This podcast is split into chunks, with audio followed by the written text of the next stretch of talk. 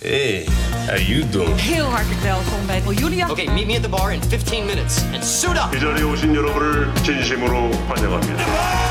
Listen to what Mr. Shelby has to say. Welkom weer bij Content Wars, je favoriete podcast over de wereld achter de content. Een extra uitzending, jawel. Mijn naam is Jelle Maasbach en nog steeds naast mij formatontwikkelaar Kirsten Jan van Nieuwenhuizen.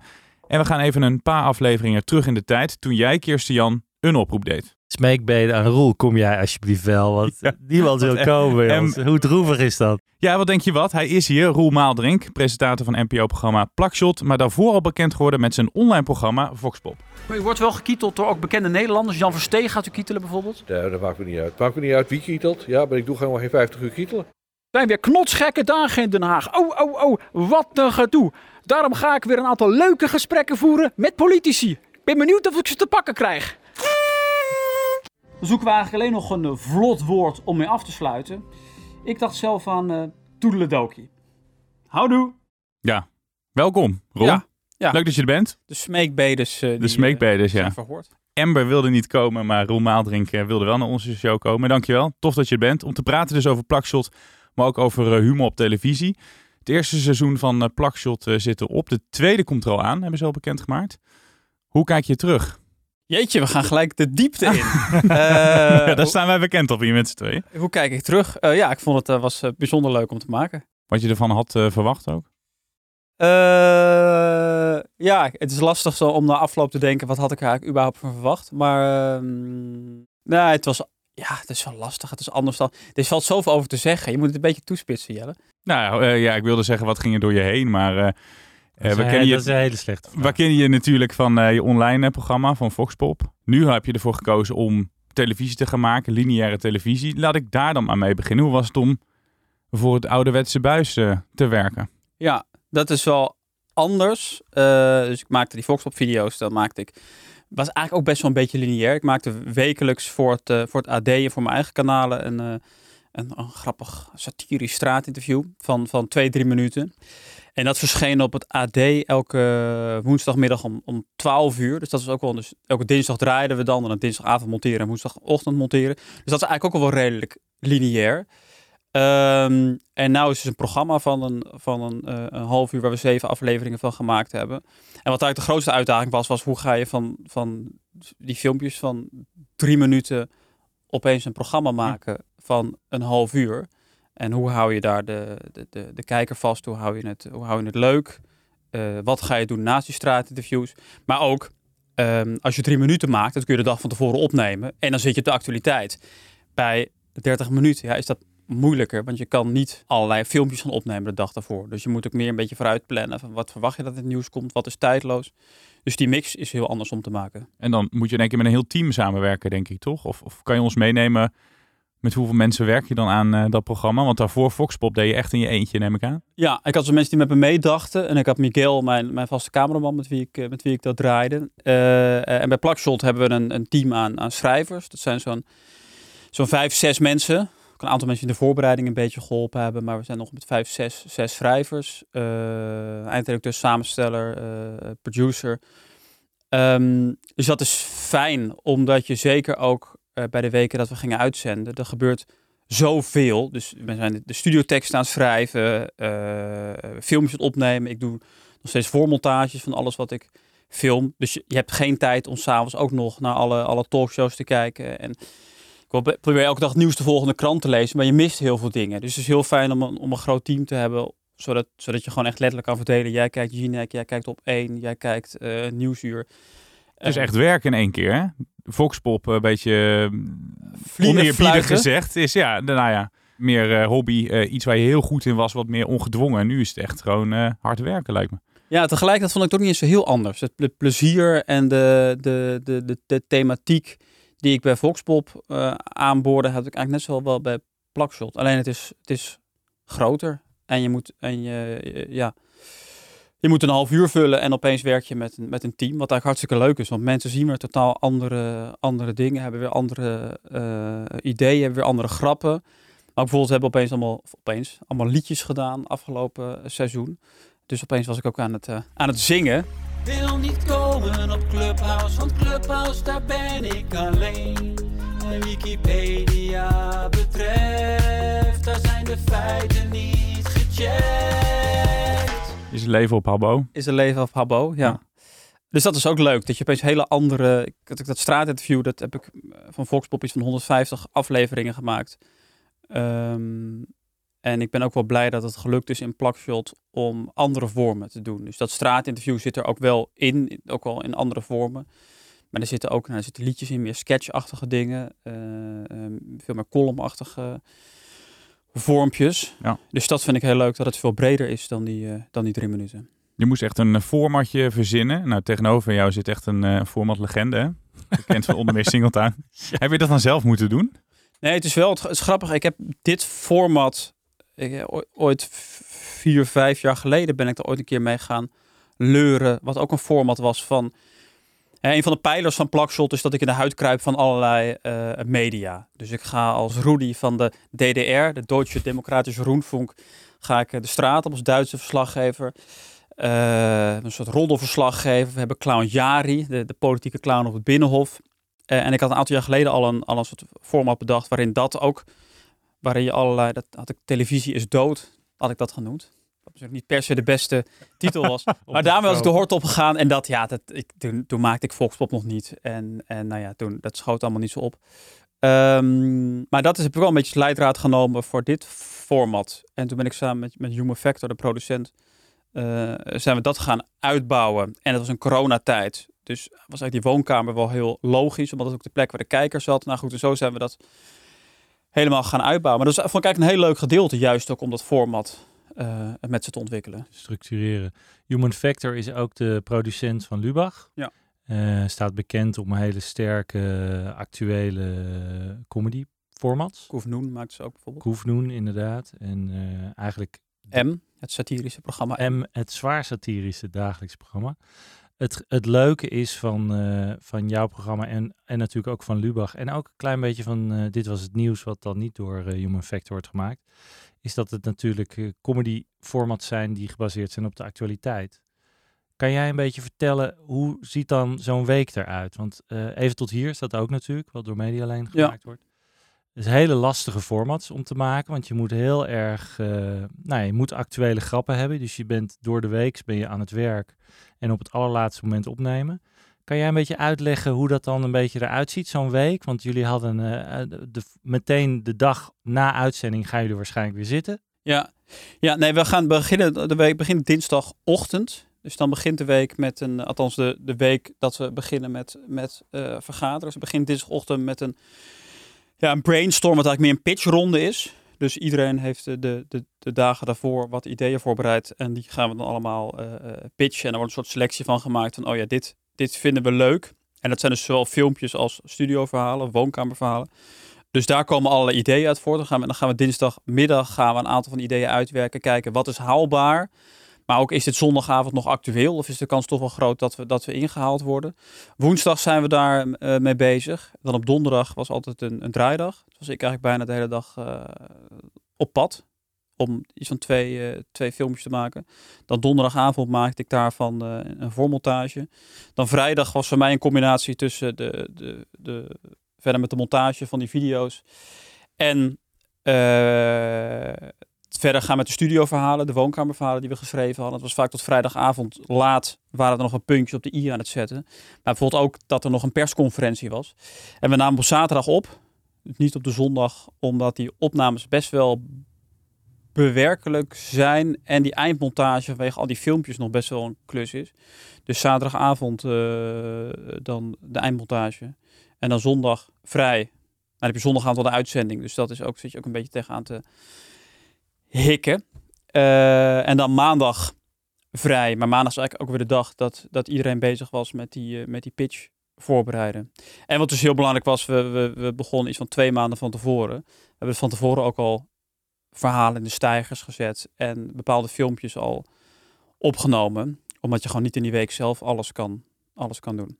En is het dan maandag iemand die gelijk als eerste de, de, de kijkcijfers checkt en eh, dat je het daar gelijk dan over hebt? Is dat, is dat nee, een we hebben het eigenlijk helemaal niet over de kijkcijfers gehad. Nee? Nee. Nou ja, dat, dat haalde Kirsten Jan aan van eh, Lubach, die begon. Ja, die begon relatief laag eigenlijk de eerste seizoenen. En die is steeds iets meer omhoog gekropen. Uiteindelijk met gigantische cijfers natuurlijk. Dus, Ja. Eh, dus dat heeft tijd nodig. Ik denk dat al dit soort formats hebben tijd nodig.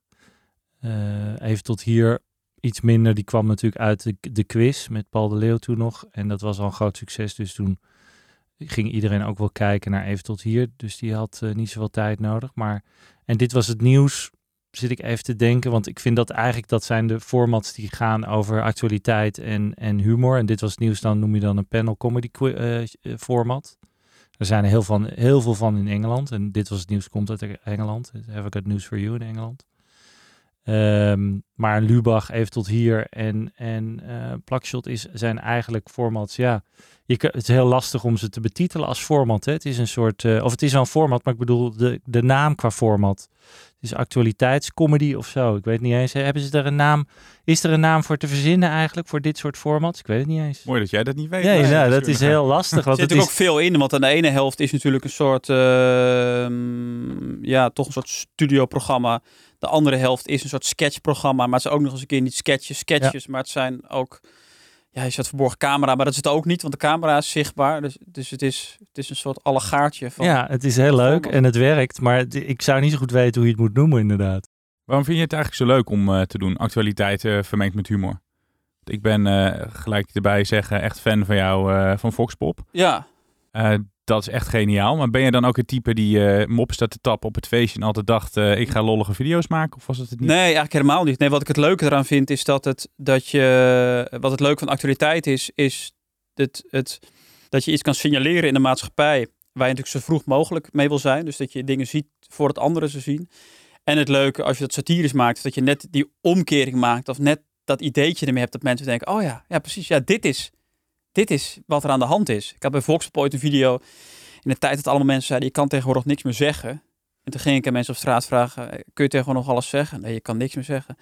Ja, wat kun je dan niet meer zeggen? Ja, eh, ja, nou ja, misschien kunnen we alles zeggen. ja. Dat is leuk, want dan kun, ja, dan, dan, dan kun je toch ook een beetje zo dat maatschappelijk debat een beetje mee meedraaien. Of mensen net op een andere manier tegen dingen aan laten kijken. En dat is, als dat lukt, is dat wel tof.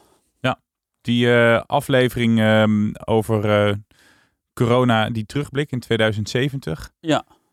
Eh, dus op een gegeven moment had je een fragment, een plakshot, dat mensen gaan terugkijken. Hè? De mensen die in het coronaverzet hebben gezeten. Laten we zo maar even betitelen. Laten we even gelijk een, een fragmentje horen. Ja, er was onmiddellijk paniek. Iedereen begon meteen met hamsteren. Wc-rollen, pasta, knakworsten. Ja, ja, en toen kwamen de Duitsers. Die namen de IC-patiënten mee. Hele hardige jongens. En, en toen schoten de Amerikanen ons te hulp. Nou, die kwamen met vliegtuigladingen vol vaccins. Die is anderhalf miljoen keer bekeken. Zeg Ja. dat goed? Ja, het is eh, deels op, eh op, op Tik. Kijk, het lastige is wat een ding is, wij, we hebben geen YouTube-kanaal. Dat is eh, eh, omroepwetten en, eh en bladibla. Dus dat is lastig ook, was dat om zelf dingen te delen. Dus alle losse fragmenten staan op NPO Start. De hele uitzending staat op NPO Start. Maar in principe eh, mogen er geen fragmenten langer dan eh, een paar minuten op YouTube verschijnen. Dus wat er na een tijdje gebeurde met die uitzendingen was dat al die fragmentjes wel losgeknipt werden en op TikTok en ik mocht het wel zelf op Instagram en op Twitter. Dus uiteindelijk was het heel lastig om daar nog eens het overzicht van te hebben van ja, maar ja, hoe, waar staat, waar staan al onze filmpjes nu en hoe vaak is dat bekeken? Dus aan het einde hebben ze eens gekeken, nou ja, bijvoorbeeld dus het corona-veteranenfilmpje wat, Ja. Wat het goed had gedaan. Als je nou gewoon eens kijkt hoe vaak is het op TikTok en al die dingen. Nou, TikTok dus zijn er meerdere accounts. Dat is heel gek, want TikTok, het is zitten natuurlijk heel veel originele dingen, maar het is ook een, een, een, een platform vol met allerlei gewoon geripte eh, televisiefragmenten. En er waren meerdere uploads op, op, op TikTok, waar die ene 700.000, de ander 300.000. Eh, ik had hem zelf nog op Instagram gezet, toen ja, goed, als je dat bij elkaar optelt, zat je mij ruim, toen op ruim op anderhalf miljoen. En dat zal nu al wel weer eh, meer zijn. Gaat de NPO daar nog eens aan doen als ze dat uiteindelijk niet veranderen? Want het is een beetje eh, achterhaald, toch? Dat je daar helemaal niks mee doet. En terwijl het zo'n belangrijk medium is om een beetje exposure en... eh, Ja, en ik snap de overweging deels ook wel, want je wil, kijk, het, het nadeel is dat je hebt ook het risico dat mensen vervolgens anders alleen nog maar je programma via YouTube gaan kijken Ja. en het niet meer via de NPO gaan kijken. Dus dan heb je er ook niks aan. Ehm, maar volgens mij moet je toch een soort strategie bedenken waarbij het elkaar versterkt. En nu denk ik dat het onhandig was dat we geen... Het zijn juist ook fragmenten die heel erg geschikt zijn voor social media. En dat zagen we ook. Alleen dan wil je natuurlijk liever dat, je, dat het op je eigen social media geüpload wordt. In plaats van Ja. geript op andere TikTok-accounts.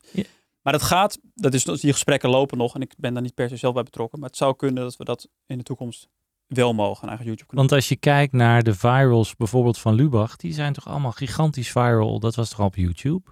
Ja. Dus die, Ja. da- dat mag dan weer wel, die fragmentjes. Volgens mij is de strategie van de NPO daarin een beetje veranderd. Dat Ah, ze oké. meer mensen naar NPO Start Ja. willen leiden. Het is strenger geworden hoor. Ik eh, heb bij RTL eh, Nieuws gewerkt, RTL Z.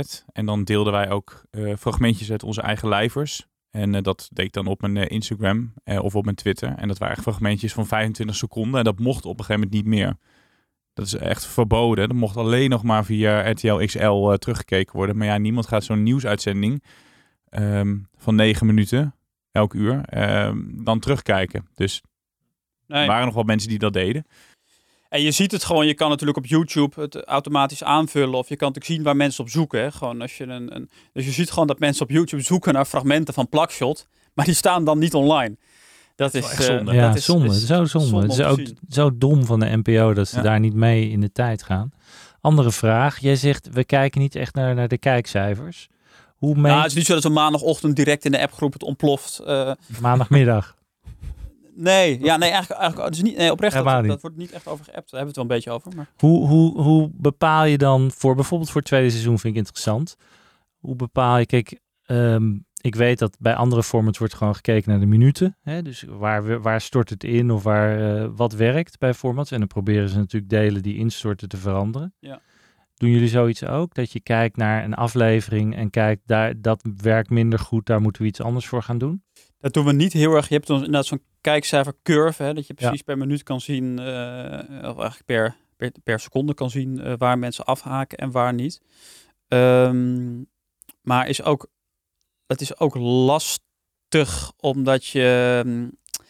Wij zaten, het, tijdstip verwisselde bijvoorbeeld ook steeds. Dus het begon volgens mij om, om, de eerste uitzending was om acht over half tien. En de laatste uitzending was kwart over tien.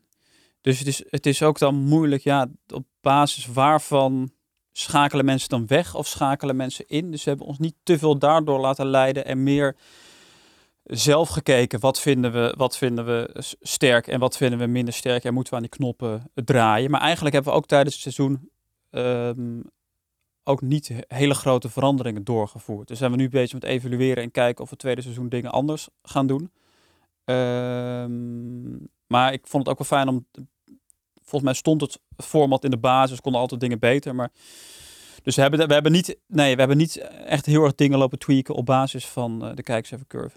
Krijg je dan van de NPO ook nog een soort van, eh, dit moet je proberen te halen of dit zijn de verwachtingen? Is daar een soort van eh, leidraad dat je...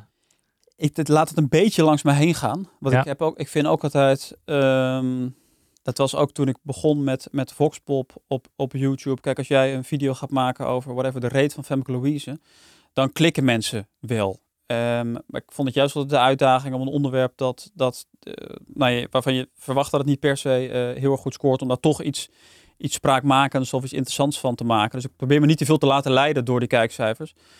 Ehm, ik begreep, we moesten volgens mij 10% binnen de doelgroep halen. Wat is de doelgroep van jullie? Volgens mij is dat 18 tot 40. Is Ja. dat een bestaande doelgroep? De, nou ja, zeker. En dat, dat schijnen we gehaald te hebben.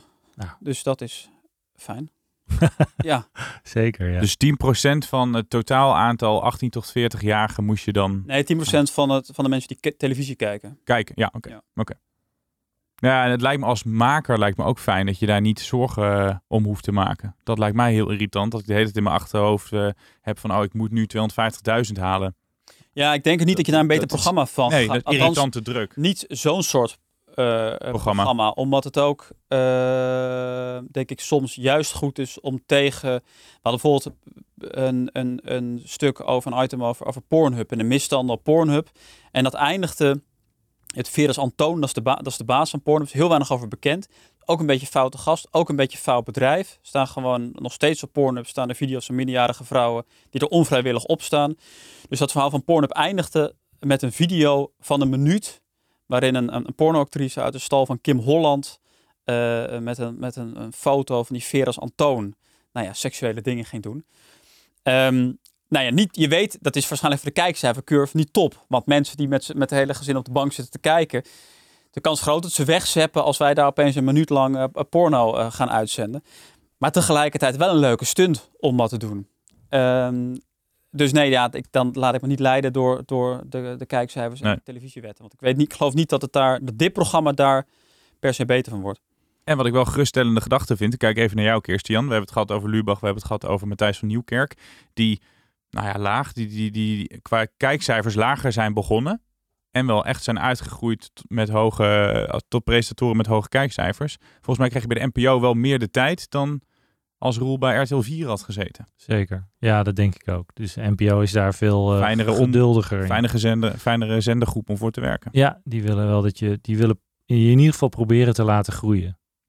En die zoeken natuurlijk gewoon ook nieuw talent. En binnen, binnen het eh, comedy is het gewoon heel moeilijk om mensen te vinden die daarin slagen. Heel veel mensen hebben het geprobeerd. Natuurlijk met programma's. En, eh, en, en, en vele zijn ook weer eh, helaas afgedropen. Dus in die zin, als ze iemand vinden, en Lubach is daar natuurlijk een goed voorbeeld van, die heel succesvol is. Ja, en als Roel die, die kant ook op kan, dan... eh, Nou ja, je bent nu verlegen. Jij hebt, eh, toen wisten we nog ineens dat we Roel binnen konden halen. Toen eh, stak jij de loftrompet over Ik hem. heb gezegd dat ik Roel dat ik het leuk vond. Ja, heb je die aflevering gehoord, eh, Roel, dat ik dat zei over jou? Nee, welke, Ja, welke is dat? Die moet ik op het lijstje. ik weet even niet welke het was, maar ik was zeer positief over Roel. Wat leuk. Ja, Oh, aflevering vijf. vijf. Aflevering vijf, Vijf, ja. ik weet het weer. Nou ja, goed, dus dat. Zij, heb, je voor, heb je voorbeelden, Roel, waar je, waar je met eh, jaloezie naar kijkt? Dat je denkt, goh, dat zou ik. eh, Nou, ik heb wel in de maken. voorbereiding, en dat ben ik nu weer een beetje aan het doen, in de voorbereiding van Plakshot heel veel zitten kijken. Dus bijvoorbeeld Charlie Brooker in de UK, die had een programma Show Wipe en Screen Wipe. Het is lastig om het te vergelijken met een, een Nederlands format, maar het was ook... Dus een beetje een... Hij heeft bijvoorbeeld ook Black Mirror heeft hij medegeschreven. Het is een beetje een, zou ik zeggen, een Norse, een beetje een Norse man. Dat is ook, er zit ook heel veel mediakritiek in. Eh, heb ik veel van gekeken, vond ik, vond ik tof. Eh Sacha Baron Cohen, natuurlijk met Ali G en Borat en Bruno, heb ik veel van, eh, van gekeken. Maar ik ben bijvoorbeeld nu oude aflevering gekeken op de week aan het kijken. Ja. Om gewoon eens even te analyseren. Oh ja, hoe deden zij dat eigenlijk? En hoe bouwden zij die uitzending op? En, en oh ja, zij deden in die studio dan met z'n tweede commentaar. En daarachter verscheen dan iemand. Ehm, dus zo ben ik een beetje aan verschillende programma's aan het kijken. Om te kijken wat ik daar, wat ik daar eh, leuk aan vind. Of wat ik daar misschien een beetje uit kan halen. Eh, dat is ook wel leuk om weer even te doen. Keek op de week is, is al een tijd geleden inderdaad. Het is wel leuk dat je dat kijkt inderdaad. Ja, twee. Ik zat aan 92. Er staat best wel veel op YouTube. Uit 92, 30 jaar Ja. geleden. Fantastisch. Ja. Maar nog steeds best wel, best wel goed. En sommige dingen, want het gaat dan ook over ministers die, die ja, waarvan je natuurlijk nooit hebt gehoord. Maar het is gewoon om te zien hoe ze dat aanpakken. is best wel, wel, leuk om, wel leuk om te zien. Maar ook hele goede sketches zitten ertussen. Maar ook Wim de Bie heeft bijvoorbeeld best wel een beetje iets prekerigs over zich heen. Dat er soms ook dat je denkt, oh, maar volgens mij zit hier geen grap in. Is het gewoon een soort, ja, wil die hier een puntje maken? Nou ja, dus het is wel, het is wel leuk om daar eens eh, met een andere blik naar te kijken. Wanneer ga je eigenlijk beginnen met het tweede seizoen? Eh, we gaan halverwege mei ergens is de eerste aflevering. En we gaan eh, in, in maart gaan we weer een beetje opstarten en ideeën verzamelen. En eh, nou ja, dan in april weer met je opnemen. En jij je maakt het met dezelfde productiemaatschappij als Lubach. Ja. In dat, als jij weer gaat opstarten, is Lubach in full swing natuurlijk. Ja. Gaat dat problemen geven qua redactie en dat soort dingen? Want eh, eh, heb je, gebruik je dezelfde schrijvers? Die zijn natuurlijk al heel lastig te vinden in Nederland, goede schrijvers. Ja, nee, we schrijven. dit een aantal mensen zit wel overlap tussen. Ehm, maar het is wel echt wel een, een ander team. Dus zeg maar, de, hele, de hele kern van Lubach is heel anders dan mijn, eh, dan mijn kern. Wat denk jij voor Lubach? Want ik bedoel, jij, jij zal ook met eh, interesse naar hem kijken. Hij gaat nu vier dagen per week. Ja. Je hebt nu één, één keer per week heb je iets gemaakt wat, eh, hè, wat gaat over de actualiteit. Hij moet vier, vier dagen per week. Wat zijn jouw gevoelens daarover? Gaat ik, vind het, heel, ik vind het heel tof. Want hij had ik eerst bekendgemaakt dat hij ging stoppen met, met Zonder met Lubach. Volgens mij kwam dit toen langs. En dan kun je twee dingen doen. Je kan het of niet doen, of je kan het wel doen. En het is in Nederland natuurlijk nooit gelukt om dagelijks zo'n soort show te maken. En ik denk als iemand het kan, dan is hij het. Ja. En volgens mij wordt er vanuit de NPO eh, nou ja, heel veel eh, geld vrijgemaakt voor een groot team schrijvers, voor, voor een goede studio. Voor, dus ik, ja, ik denk dat het, dat het wel eh, heel tof wordt. Ik ben heel benieuwd ook. Ja. Ja, wij ook. Ik ook. Enorm benieuwd. Maar er is dus moeite om aan schrijvers te komen, zeg jij. Het is heel lastig, ja. Ja, je hebt gewoon goede schrijvers. En we, hadden, we hebben het de vorige keer over gehad, over wat in Amerika, dat daar wel, wel twintig schrijvers zitten op een show. Mhm. Nou ja, dat, eh, ik, denk, ik weet niet hoeveel er bij Lubach zitten, maar ik denk zeker een stuk of tien en misschien nog wel meer. Als je bij jou al zes zitten. Dus de, in die zin is het gewoon, het is heel moeilijk om, om eh, goede schrijvers die ook nog betaalbaar zijn natuurlijk ook. Dat is het ook. Want je ziet bij bijvoorbeeld jongens die succesvol zijn, eh, cabaretiers of stand-up comedians, als die op een gegeven moment in theater komen, ze krijgen one-man shows, die verdienen zoveel geld. Die hebben, die, wij, wij proberen ook vaak de Daniel Arendsen en de, nou noem ze maar op, de grote jongens, de Peter Pannenkoek. En de meeste jongens doen, willen niks meer voor tv doen, want die kunnen met één seizoen in het theater staan, al zoveel geld verdienen. En eh, tv is eigenlijk alleen maar afbreukrisico. Dus heel veel van die jongens die op een gegeven moment succesvol worden, die gaan zich niet meer eh, ervoor lenen. Of je moet met een fantastische aanbieding komen. Ja. Maar eh, dus je moet het zoeken in waarschijnlijk jongens die, die een beetje eh, nieuw talent binnen de comedywereld en de stand-up comedy vermoed ik dat je daarin zoekt. Ja, en ik heb in het verleden veel dingen gedaan voor de Speld. Ik doe nog steeds wel eens Ja. dingen Ja. voor ze. En dat, dat is fijn, want ik heb gewoon ook, ook eh, een aantal schrijvers meegenomen die ik ken van de Speld. En dat is fijn, want dat zijn mensen die al, eh, waar ik al mee gewerkt heb. Mensen die actualiteit volgen, mensen die satire snappen. En dat is fijn, want dan moet je er moet er nog een beetje, eh, soms nog wat televisieervaring mee gekregen hebben. Maar dat is ontzettend Ja, dat ook alles Leuk. moet samenkomen. Want iemand kan wel humor hebben. Ja. Wat ik net aanhaalde, diegene die eh, moppen staat te tappen op een feestje, dat is misschien net niet de persoon die je dan zoekt. Nee, dat is ook het leuke van zo'n team. Dat iedereen daar weer wat anders inbrengt. Is het nou ook zo? Ik weet bij dit was het nieuws dat ze die schrijversgroep hebben en dat als jouw grap in de uitzending komt, krijg je extra betaald. Of je krijgt Ja, hoorde het, ja. zoiets van, ja, ja, dus ze schrijven allemaal grappen en dan krijg je iets van 100 of 200 euro per grap. Dus als jij heel goed bent, je krijgt heel veel in die show. Werkt het bij jou ook zo? Nee, nee we hebben gewoon, gewoon mensen krijgen betaald als ze nou grappen. Of ze daar, ja, ja, maar je rekent ze er wel op af. Op een gegeven moment denk je, ja, luister, ik gebruik jouw grappen nooit. Dus eh, of je zorgt... Ja, maar het is ook meer dan alleen maar grappen. Want het is ook. ehm, het, het is ook. Iemand kan, het, iemand kan een, een, een vaag idee hebben. waar iemand anders op voorbouwt. Denkt, ja, maar Ja. dit moeten we doen. Ja. En iemand anders zegt, oh, maar dit is leuk. En iemand anders zegt, ja, maar dan moet je een beetje op zo'n manier. En iemand anders zegt dan weer, ja, maar je moet je wel. eh, nee, ja, dan moet je niet zo'n pet op hebben. Want dat is een beetje over de top. Oh ja, en dan zit iemand. Dus het is ook. Ja, het is een, die dynamiek. creatief team is, bij elkaar Is heel belangrijk. Ja, dus het is ook vaak heel lastig te zeggen, oh ja, dit komt van die persoon. Of dat komt van, van die persoon. Dat is ook echt iets wat met z'n allen, wat met z'n allen ontstaat. Is iets wat je, als dit, stel dat dit over een aantal seizoenen waanzinnig succesvol is en jij stopt op je hoogtepunt, is er dan iets anders wat je zou willen maken? Dat je zegt, mijn droom is ooit om een comedy-serie of een Black Mirror te schrijven? Of wat, stel dat de sky the limit is, waar zit je dan, eh, wat zou je dan willen doen? Ja, het is flauw antwoord, maar ik vind dit nu zo ontzettend leuk. Deze En- podcast maken. Deze podcast maken. Jelle zou kunnen vervangen in deze podcast. Ah, Dat jullie me- samen. Nou, dat lijkt me heel goed, Dat tekent Kirsten Jan voor, denk ik. Ehm, nee, het lijkt me wel leuk om nog een keer het, het, eh, ook het theater in te gaan met die, met die, eh, die one-man show waar je het over hebt. Dat lijkt me best wel leuk om op termijn te doen. Maar wat ik het fijne van dit programma vind, er zijn zoveel verschillende dingen die ik erin kan stoppen. Van zingen tot sketches, van straatdingen, van eh, een column in de studio. Dat ik me daar volgens mij nog hartstikke goed in kan, eh, kan ontwikkelen. Dus ik heb nu niet echt een soort eh, volgende stap naar het eerste. Nee, dat moet, het is ook een beetje vroeg. Maar ik dacht, wie weet, je, Ja. je dromen. Het is nooit, goed, nooit slecht om te dromen. Maar dit is wel een beetje mijn droom, dit programma. Nee, ik snap het. Het Het is een nieuwe droom.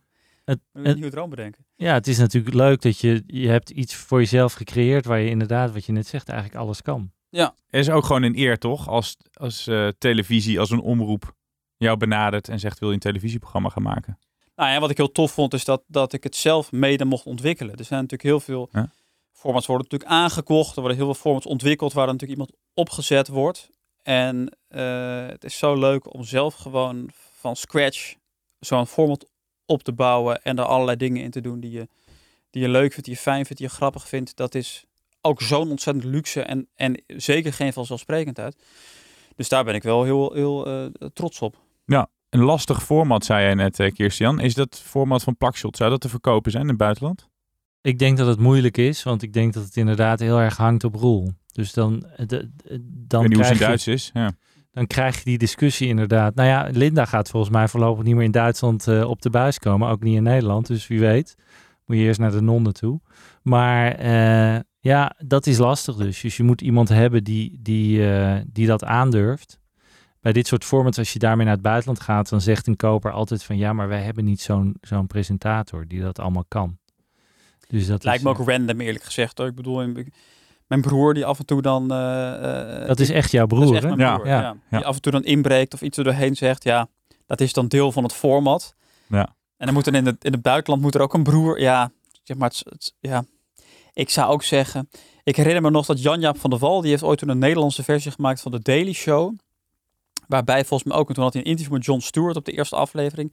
Dat John Stewart zei... Waarom heb je dit format aangekocht? Waarom heb je het niet gewoon gejat? Een andere naam gegeven en net iets anders gedaan. Ik vraag me, waarom gebeurt het eigenlijk? Waarom zou je zo'n format eigenlijk aankopen? Want dat is toch... Je Omdat verandert één klein dingetje en het is...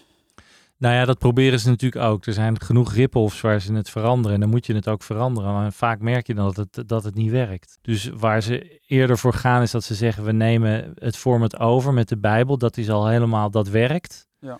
Eh, dus eh, dan betalen we liever iets ervoor en dan hebben we iets meer zekerheid. Nou ja. Dus dat is, dat is vooral de reden. En, en zo'n Bijbel is heel veel waard, omdat je dan niet het wiel helemaal opnieuw hoeft uit te vinden. Eh, maar voor comedy blijft dat heel moeilijk. Dus we hebben het hè, vorige keer ook al over gehad dat dat soort formats heel moeilijk te verkopen zijn. Ja. En de enige die daar een beetje.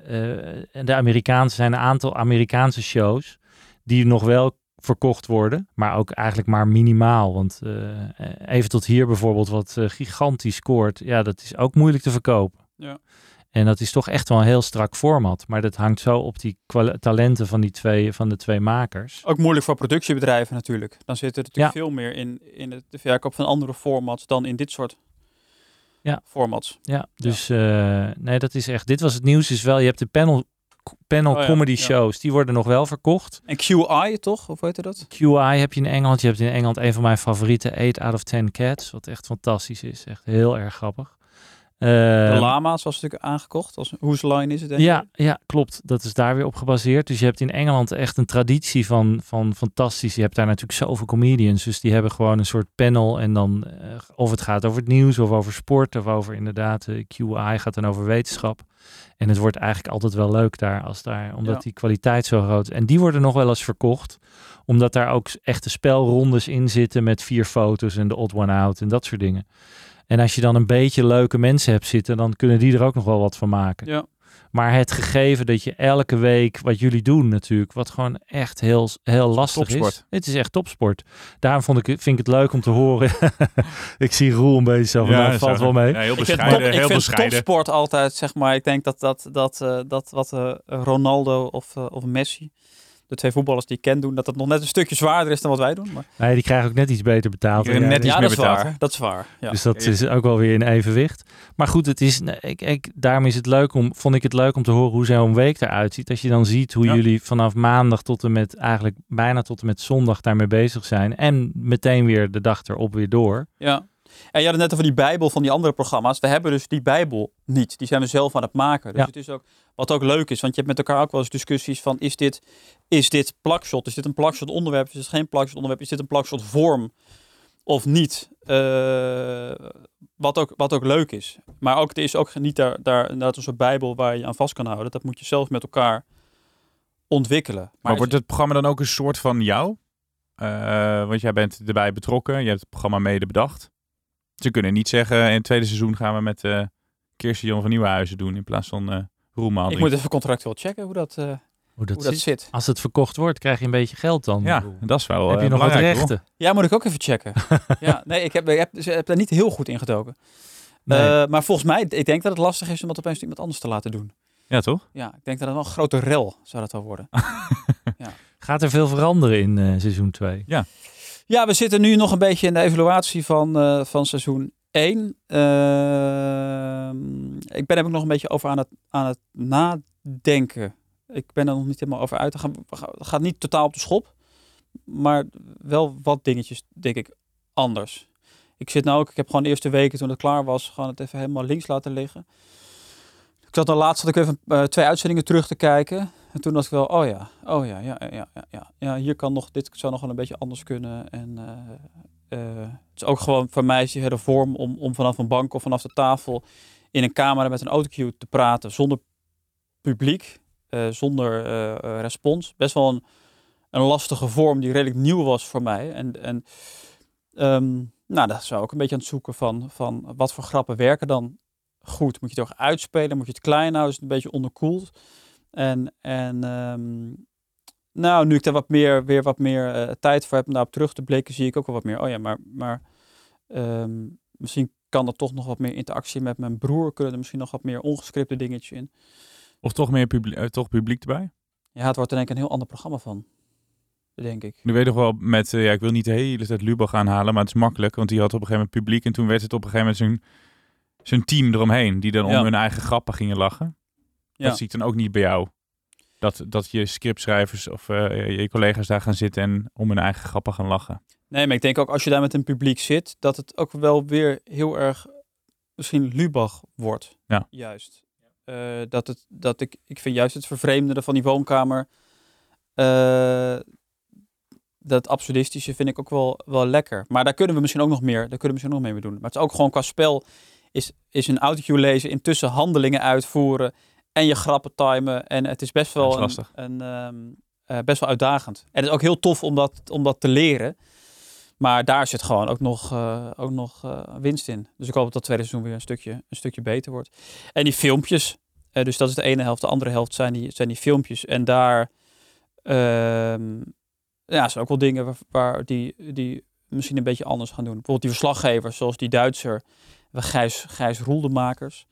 Dat is een soort Gijs Rademakers, iemand die live op straat allerlei, allerlei peilingen. peilingen Ja, die live in beeld verschijnen. Maar, dus, dus volgens mij kunnen daar nog wel een aantal van die verslaggevers eh, bij. Dus nou ja, goed, Nieuwe dat ook weer- typetjes. Ook weer, ja. ja. Ja, ik lees het nieuws en Kirsten Jan denk ik ook. Hè. Je leest het nieuws, je stuurt het een keer naar elkaar door. Maar jij denkt natuurlijk gelijk staat bij jou plakshot eh, aan. Gelijk van wat moet ik er in een programma mee? Jij kan was- niet meer normaal naar nieuws kijken, denk ik. Nee, dat gaat een beetje op en af. Dus die weken van, dat we die uitzending hadden, was het inderdaad echt heel erg dat je alles leest. Heel instrumenteel. Wat, oké, zit hier iets in? Kan ik hier iets mee? En dat was ook in die tijd dat die coronamaatregelen veel strenger werden en eh, bijna tegen code zwart aan zaten. En je vergeet, ik weet nog dat we op vrijdagavond die persconferentie hadden en wij zaten helemaal te denken, wat gaan we hiermee doen? Oh ja, we hadden een verhaal over code zwart. Wanneer is iets eigenlijk code zwart? En ik liep toen s'avonds om half tien naar buiten.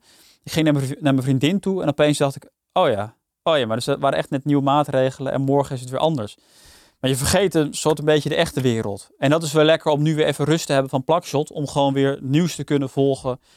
En dingen te kunnen lezen waarvan je denkt, oh ja, oh ja, dat is wel, oh ja, dat is eigenlijk wel geestig. Dus ik zat bijvoorbeeld ook jullie podcast gisteren te luisteren. En toen dacht ik bijvoorbeeld, ik zei dan wat inspiratiedingen op.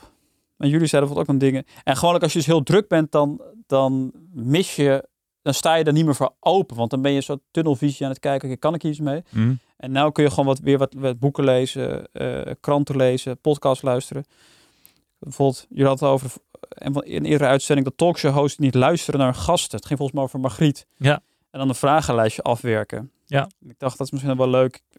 Misschien wel leuk omdat dat op straat als verslaggever, dat je dat behandelt, dat dat bespreekt. En volgens een verslaggever op straat, die inderdaad ook totaal niet luistert naar de, naar de geïnterviewde. En Ja, maar dat- gewoon ja, maar dat zie je ook gewoon de eigenlijk doen. volgende vraag stelt. Ja. Dat is volgens mij een leuk idee. Dus dan nou goed, dat soort dingen, dat schrijf ik dan op. En zo eh, leuk. hoop ik dat ik volgend seizoen weer een gigantische lijst ideeën gebracht. Dan, eh, Ja, ja. Nou ja, dat doen we graag.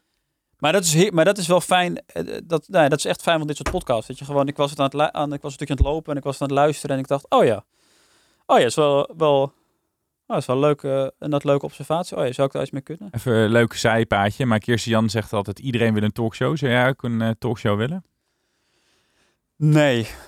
Nee, ik denk dat er heel veel mensen Dat is ook nieuws. Ja? Ja, nee, ik denk dat heel veel mensen zijn die dat, die dat beter kunnen en heel veel mensen zijn die dat leuker vinden. Eh, die mensen die nu op één presenteren, die benijd ik niet. Want je moet dan, ja, dan moet je daar over, over de waan van de dag gaan hebben met, met ja, weet, ja, weet ik veel. En dan moet je geveinsd objectief zijn, eh doen alsof je geen mening hebt. En dan moet je daar met eh, Wieber van Haga een gesprek gaan hebben over whatever corona. Te, nou ja, ja, nee, het lijkt me, het lijkt me, eh, het lijkt me niks. Heel lastig om dat te doen. Ja, ik denk dat ik het, het. Het lijkt me zo moeilijk om. Het lijkt me zo moeilijk om. Je moet over alle onderwerpen meepraten. En ook, ik heb niks met sport.